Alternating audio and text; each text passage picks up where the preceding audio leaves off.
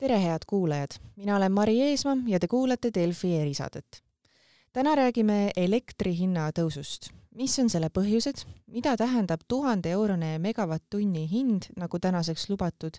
kuidas see kõik tarbijat mõjutab, seda kõike olen palunud saatesse selgitama energia- ja majanduseksperdi Raivo Vare, tervist! tervist! No selle aasta sügisel ja talve hakul on meid kimbutanud energiahinna tõus, mis on ikkagi väga krõbe. täna kerkib elektri hind tuhande euroni megavatt-tunni eest. Tavalist inimest ilmselt huvitab kõige rohkem see, et mida see tuhande eurone elektri hind rahakotile reaalselt tähendab. Ja sellepärast ma toongi nüüd sellise argise näite,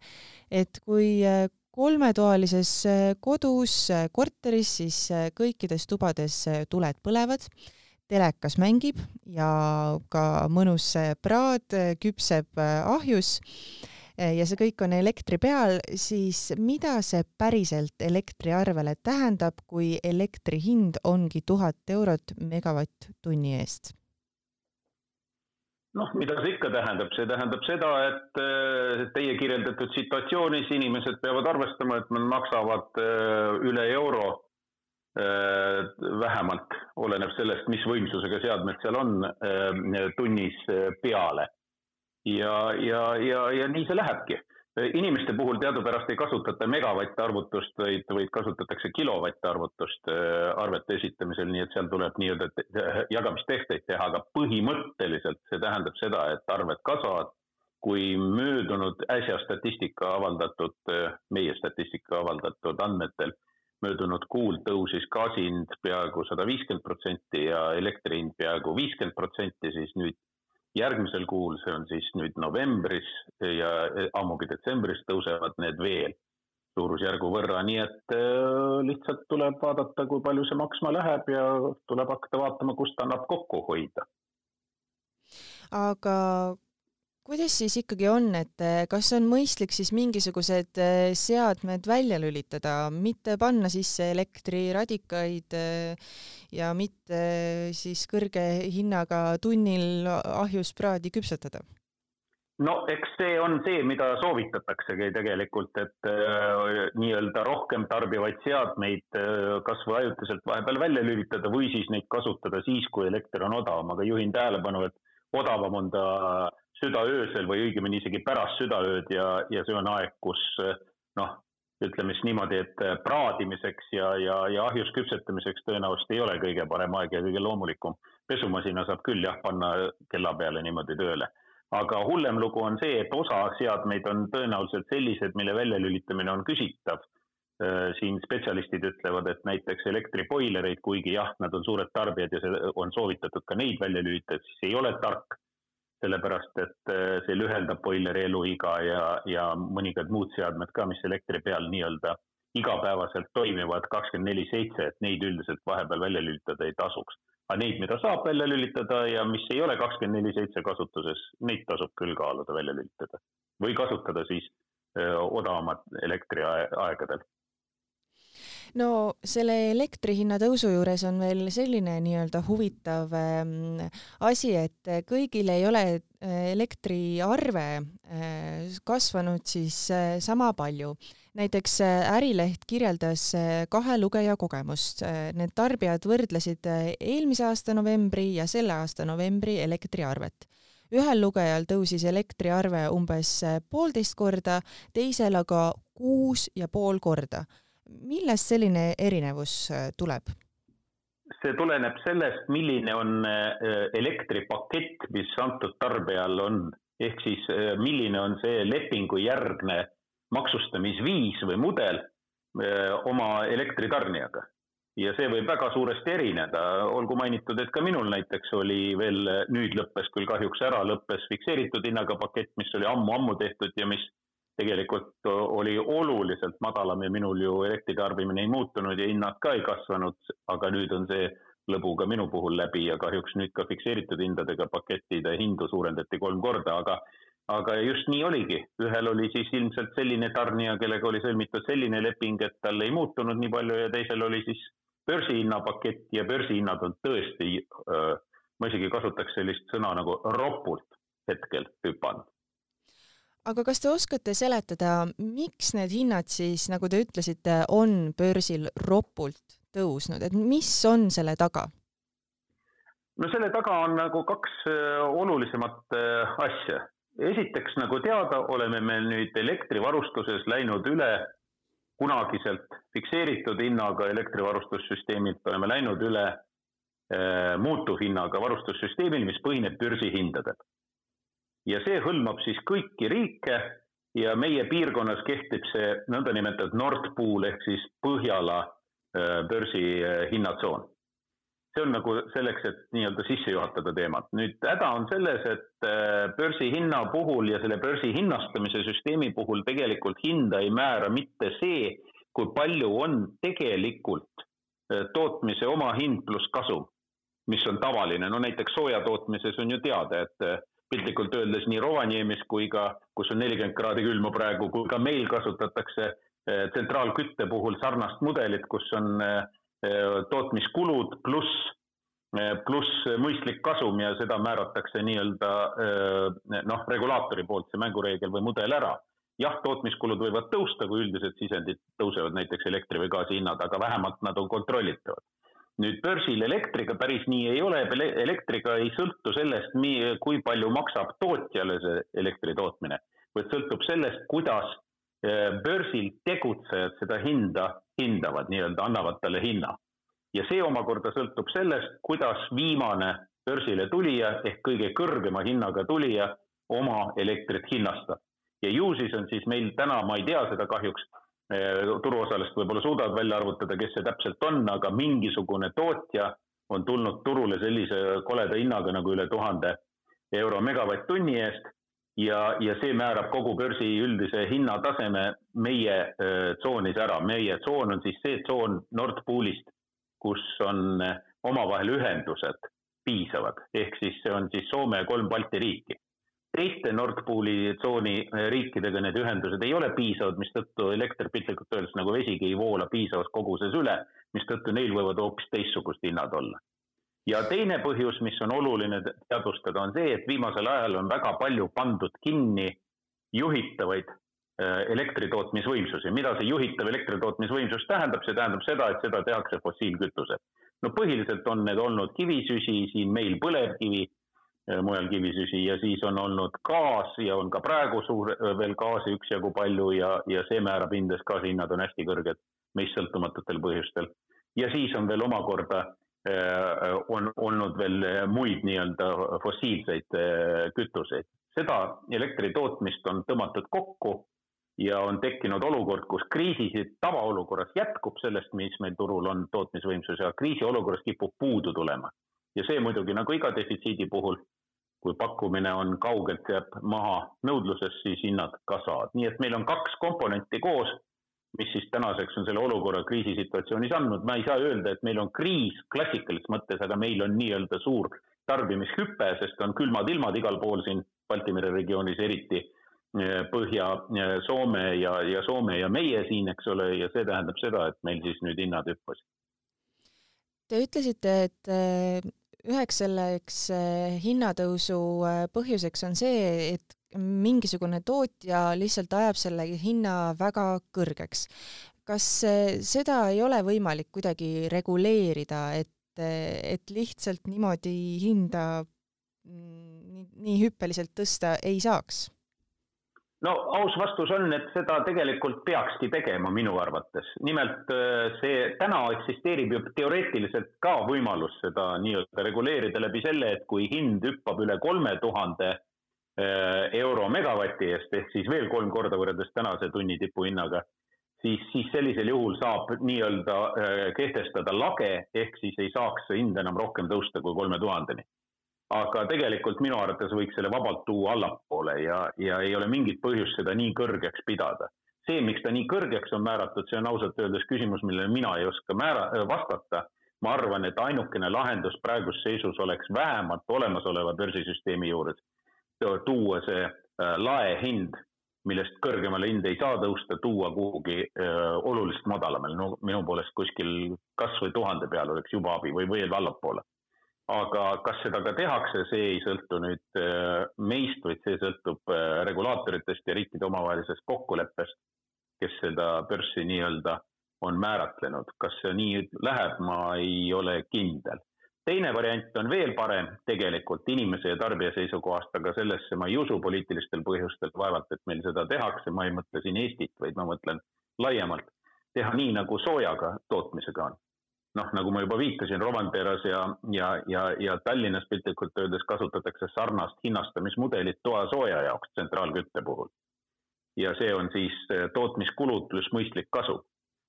ja see oli tegelikult see mudel, mida vanasti kasutati ka elektri puhul, kuni me läksime börsisüsteemile üle. võib-olla tasuks kaaluda selle juurde tagasiminekut mingite modifikatsioonidega seoses sellega, et meil on ka äh, nii-öelda rohepööret vaja teha ja siis võib-olla ka neid äh, rohepöörde jaoks vajalikke süsinikemissiooni kvoote tuleks sisse arvutada sinna tootmiskuludesse, ehk siis hind oleks siis kuidagi natukene kõikuv, aga ta ei oleks nii hullult kõikuv nagu praegu, kus ta on väga spekulatiivselt kõikuv kas ma sain teist nüüd õigesti aru, et, et börsil see kõige kõrgem äh, nii-öelda hinnalagi kehtestada, see on tegelikult äh, selline rahvusvaheline poliitika küsimus? jah, on küll ja see oleks põhimõtteliselt võimalik. ta on ju praegu ka olemas, küsimus ei ole selles, et kehtestada, küsimus on selles, et kehtestatud laenmäära alandada märgatavalt. praegu on see lagi kolm tuhat see on juba selline number, mille puhul noh, meie enam ei, tõenäoliselt lihttarbijatena siin enam ei tunnegi enam, kas see on kolm tuhat või viis tuhat või mis iganes, see on nii ropult kõrge hind juba, et sellisel juhul, et see meid ikka ei aita. tuleks see lagi lihtsalt allapoole tuua, sest ükskõik millise vormeli järgi arvutatuna ükski tootmine ei, ei, ei ole nii, ei jää kahjumisse sellisel juhul, kui ta lagi oleks näiteks noh, kasvõi kaheksasada või üheksasada praeguse seisuga mitte kolm tuhat. ja teiseks, mida on vaja teha ja see ei ole üleöö tehtav, see, mis ma praegu rääkisin, see on üleöö tehtav, kui oleks kokkulepe. aga teine asi, mida peaks tegema, on siis vaadata kriitilise pilguga üle see, mis meil võimsustega toimub piirkonnas. Sest üks osa probleemist, nagu ma püüdsin seletada, on ka selles, et meil lihtsalt ei jätku tootmisvõimsusi sel hetkel, kui on tiputarbimine. ehk siis, kui kõige rohkem on elektrit vaja, siis meil hakkab tulema probleem, et meil ei jätku elektrivõimsusi ja kui nad ka ühes kohas on, siis teise kohta nende võimsuste toodang enam ei jõua. ja vot seda probleemi peaks lahendama, see koosneb kahest osast, esiteks peaks olema meil nii-öelda piisavalt tootmisvõimsusi, mida saaks kiiresti käivitada jätkuvalt, ehk siis juhitavaid võimsusi, aga need ei saa olla tuulikud ega päikesepatareid, selge see, et need on mingisugused mm, fossiilkütustel põhinevad et neid ei tohi lõpmatult kinni panna, nagu siiani on tehtud ja teiseks peavad olema kaabelühendused meie äh, elektripiirkonnas sellised, mis võimaldaks piisavas koguses ka suuremates kogustes üle kanda. praegu lihtsalt meil ei jätku neid ülekandevõimsusi, me ei saagi oma piirkonda tuua nii palju seda teiste piirkondade elektrit sisse, kui vajab. noh, piltlikult öeldes rootslased müüks kindlasti Soome ja Soome kaudu midagi võiks ka meile tulla madalama hinnaga, kui praegu meie piirkonnas hind on, sest nende hinnad on madalamad. Nende tootmisvõimsused on, on suuremad ja tarbimine väiksem, mistõttu neil oleks seda võimalik teha, aga lihtsalt ei mahu kaablitest läbi, mis ühendavad Rootsit Soomega ja Rootsit äh, Leeduga. Ja selle tõttu midagi ei ole teha. meie hinnad on oluliselt kõrgemad, äh, poolteist korda kõrgemad kui seal samal ajal, kusjuures ilm on neil sarnane minu järgmine küsimus olekski olnud see, et eh, miks eh, erineb elektri hind riigiti ja regiooniti nõnda palju, aga ma saan aru, et see nii-öelda edasikandmise ja võimsuse küsimus ongi siis see vastus? jah, edasikandmise võimsus ja võimsuste olemasolu antud turul, kus siis, kui on näiteks võimsusi piisavalt, siis jääb üle, mida üle kanda, eks ole. ja, ja sinna, kus on hinnad kõrgemad aga meil endal võimsusi ei jätku, meil on äh, puudu ja samal ajal me mujalt piisavalt juurde neid võimsusi ka ei suuda saada ja seetõttu lähevad hinnad hästi üles. aga kui palju saab äh, süüdistada ilma selles, et äh, meie elektri hind on nii kõrge, et üks asi on see, et meil on külmad ilmad ja me vajame rohkem energiat, tarbime seda rohkem, aga teine küsimus selles, et ma ei tea, kas Norras oli vähem tuult äh, ja sellepärast on neil ka vähem äh, elektrit? Äh, Norras on põhiline isegi mitte tuul veel esialgu, vaid neil on hüdro, hüdroenergia, mida, mida neil on nüüd tulnud piisavalt peale, nii et nad hoiavad hindu oluliselt madalamad enda jaoks, aga nad ei anna seda piisavalt äh, siiapoole peale, sest Nord Pool kasutab ka nende elektrit. kriisisituatsioonides, aga seda siia lihtsalt seekord ei jõua. Pealekauba Norral on avatud uus kaabel Inglismaale, kus on palju kõrgemad hinnad, kuhu ta müüb siis oma ülejääki, kui tal on seda hüdroelektrienergia ülejääki, nii et meil tegelikult äh, ütleme siis niimoodi, et äh, me oleme maganud kümmekond aastat äh, selliste noh, mudelite otsas, mis, mis, mis noh, ei ole päris kin-, töökindlad sellises kriisisituatsioonis, kui ilm meid, meid ründab näiteks. Ja tavaliselt, kui Balti mere ruumis ilm on käest ära, no näiteks on külm, siis ta on külm korraga mitmes riigis, ei ole nii, et ainult Eestis on külm ja siis Soomes ja Lätis on hästi soe ja siis me saame sealt elektrit. tegelikult on siis ka Lätis külm ja on piltlikult öeldes ka Soomes külm, nagu me teame, üle neljakümne isegi oli Lapimaal. ja see tähendab seda, et neil endal elektrit ei jätku ja loomulikult nad ei, siis ei ole ka väga äh, soovivad, äh, ei soovi väga siis ka seda elektrit teistele anda, naabritele, kaasa arvatud meile, nii et meil peaks oma reserv alati käepärast olema piisav, mis kataks selle tipu ka ära. praegusel hetkel on meil töös natuke üle tuhande megavati, aga vaja oleks tuhat viissada ja see puuduolev pool tuhat või natuke alla selle tuleb mujalt sisse võtta ja mujalt sisse võttes me võtame ta ikkagi selle hinnaga, mida börs määrab ja siis see määrab kõigi hinna.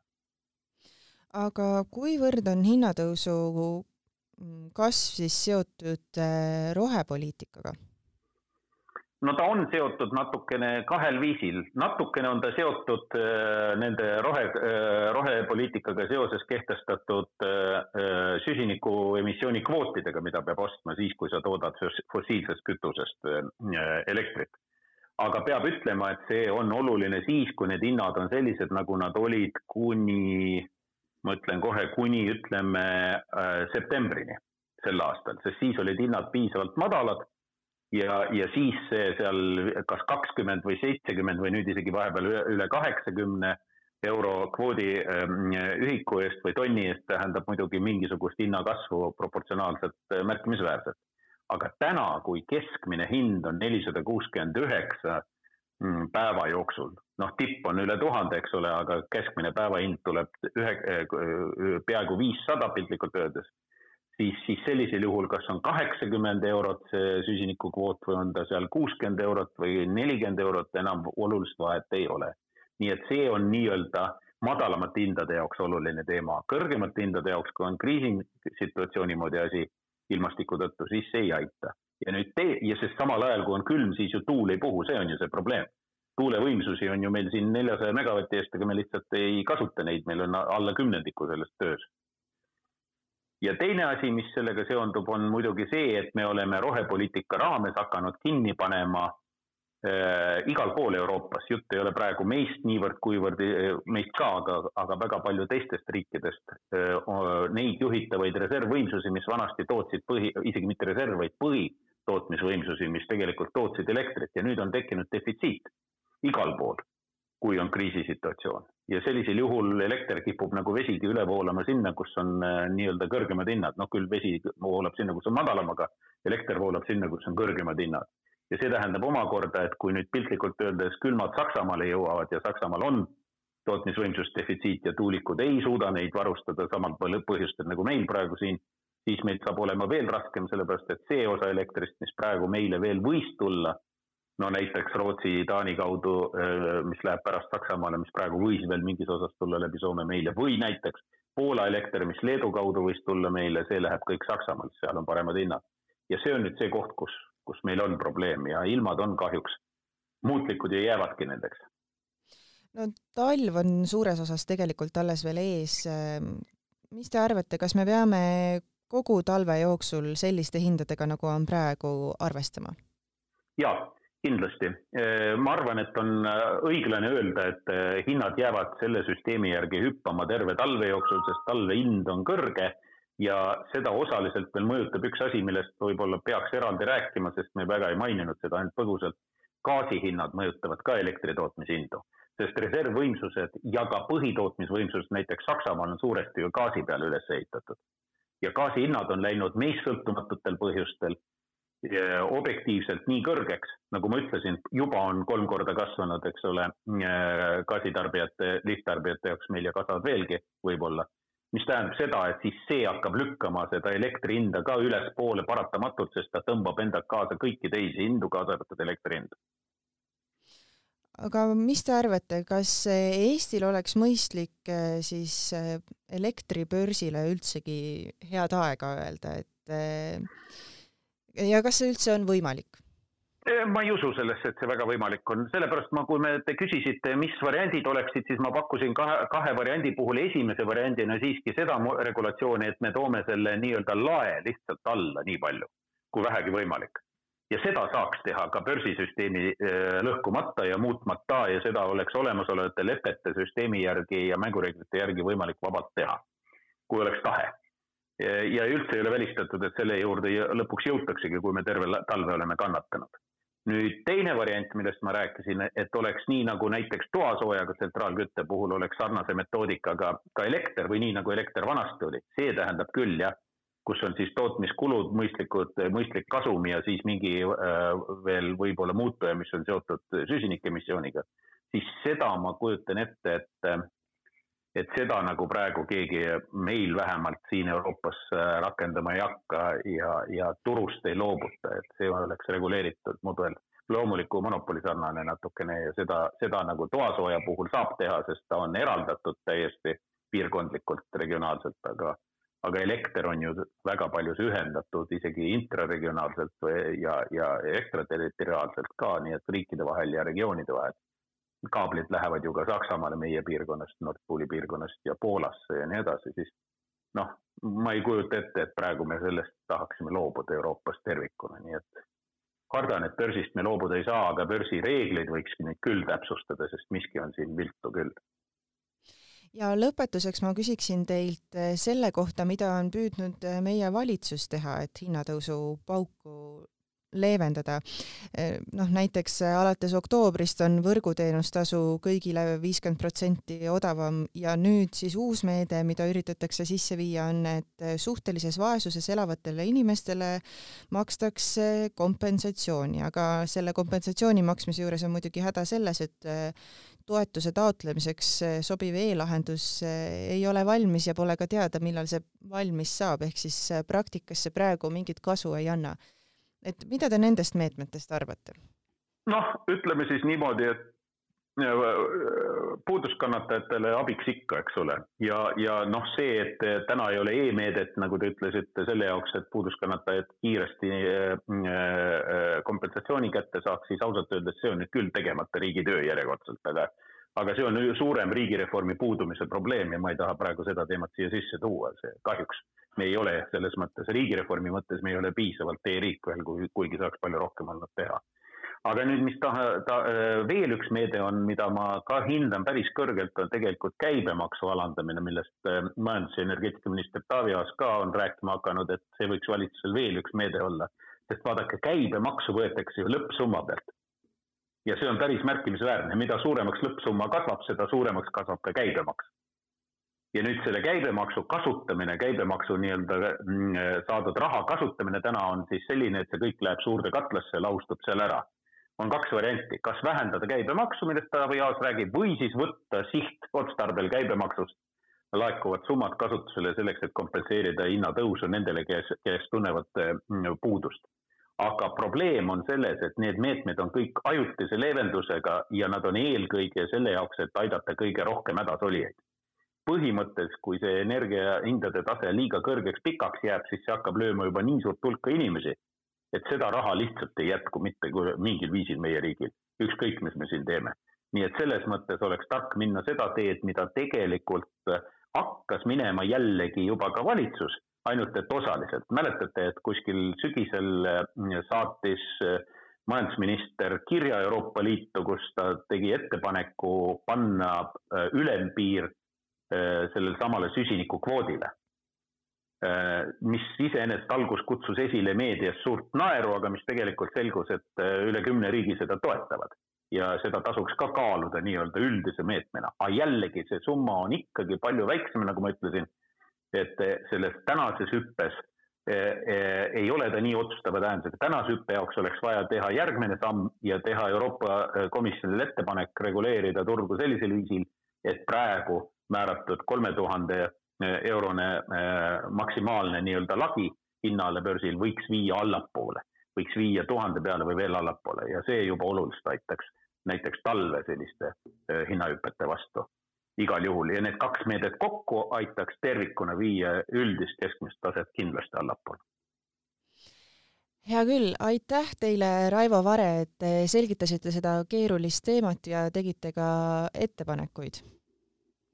Palun. ja head kuulajad, selline saigi tänane Delfi erisaade, aitäh, et kuulasite ja kuulmiseni